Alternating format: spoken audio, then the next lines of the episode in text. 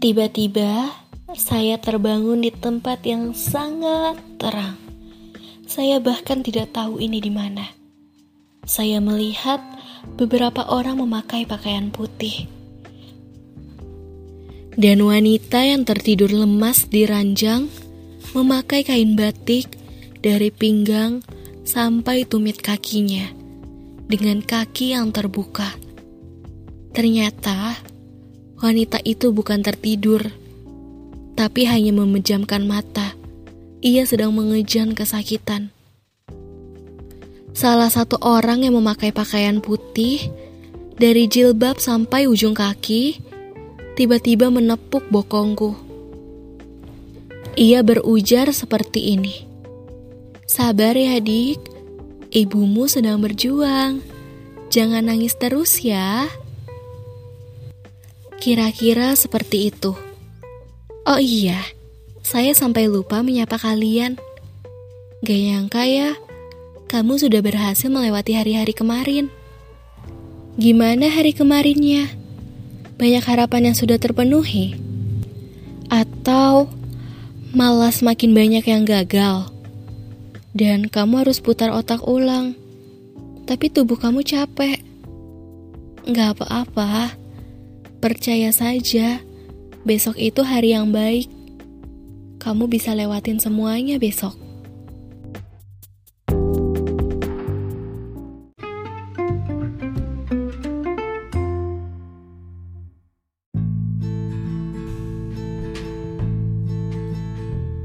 Ternyata Orang yang menenangkanku adalah bidan, dan saya adalah bayi pertama yang berhasil ibu lahirkan.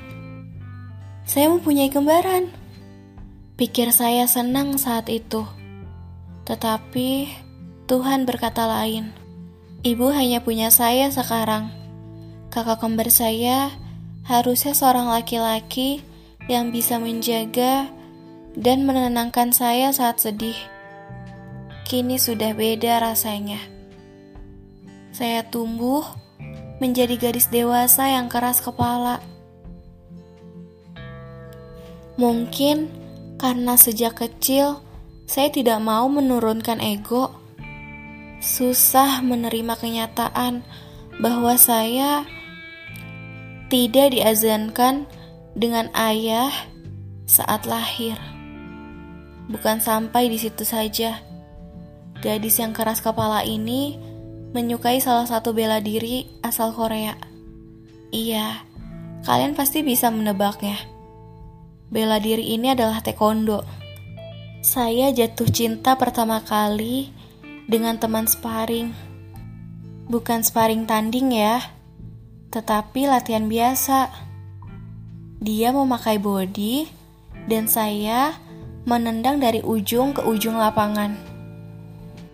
Mungkin saat itu saya sedang marah. Kenapa ibu dan ayah selalu berantem? Usia saya masih 11 tahun. Dan melampiaskan semuanya dengan menendang itu enak sekali. Lega banget. Sampai teman laki-laki saya bilang, "Nanti pelanin ya power kamu." Lucu sih kalau ingat kejadian itu. Sewaktu SMP, keadaan sudah semakin berubah. Ibu dan ayah saya menyerah dengan hubungannya. Mereka terluka, dan tentunya saya juga. Kalau diingat-ingat, sejak kejadian orang tua saya pisah, kok saya malah suka sekali jatuh cinta ya. Tapi dengan tujuan yang salah. Saya hanya mau menyakiti laki-laki. Iya, saya tahu itu salah. Pada suatu ketika, saya mengenal laki-laki di SMP. Iya, dia rela apa saja demi saya. Pacaran sembunyi-sembunyi. Teleponan pakai-pakai telepon biar murah Lalu, tidak lama kemudian, saya jauhi dia. Dia mengancam saya kalau dia mau bunuh diri. Saya kacau sekacau-kacaunya anak remaja. Tapi akhirnya, saya malah semakin tidak peduli dengan laki-laki. Semenjak itu, saya juga menyukai perpustakaan. Aroma buku dan debu di rak-raknya hampir sama. Saya suka mengambil asal buku yang paling tebal. Entah buat apa. Yang jelas, saya tidak akan membaca dari awal sampai akhir. Saya buka lembar pertama dan terakhir saja.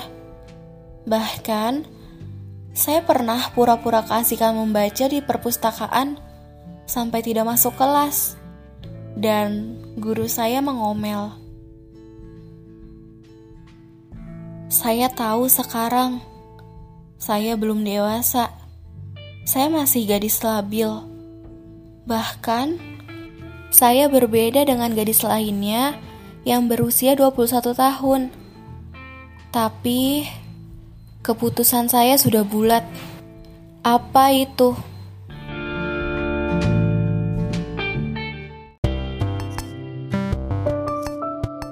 Kita bahas besok ya di episode 3. Saya Puput, pamit undur diri. Jangan lupa share dan tag ke Instagram saya Farisarimi kalau kamu lagi dengar episode ini. Dadah!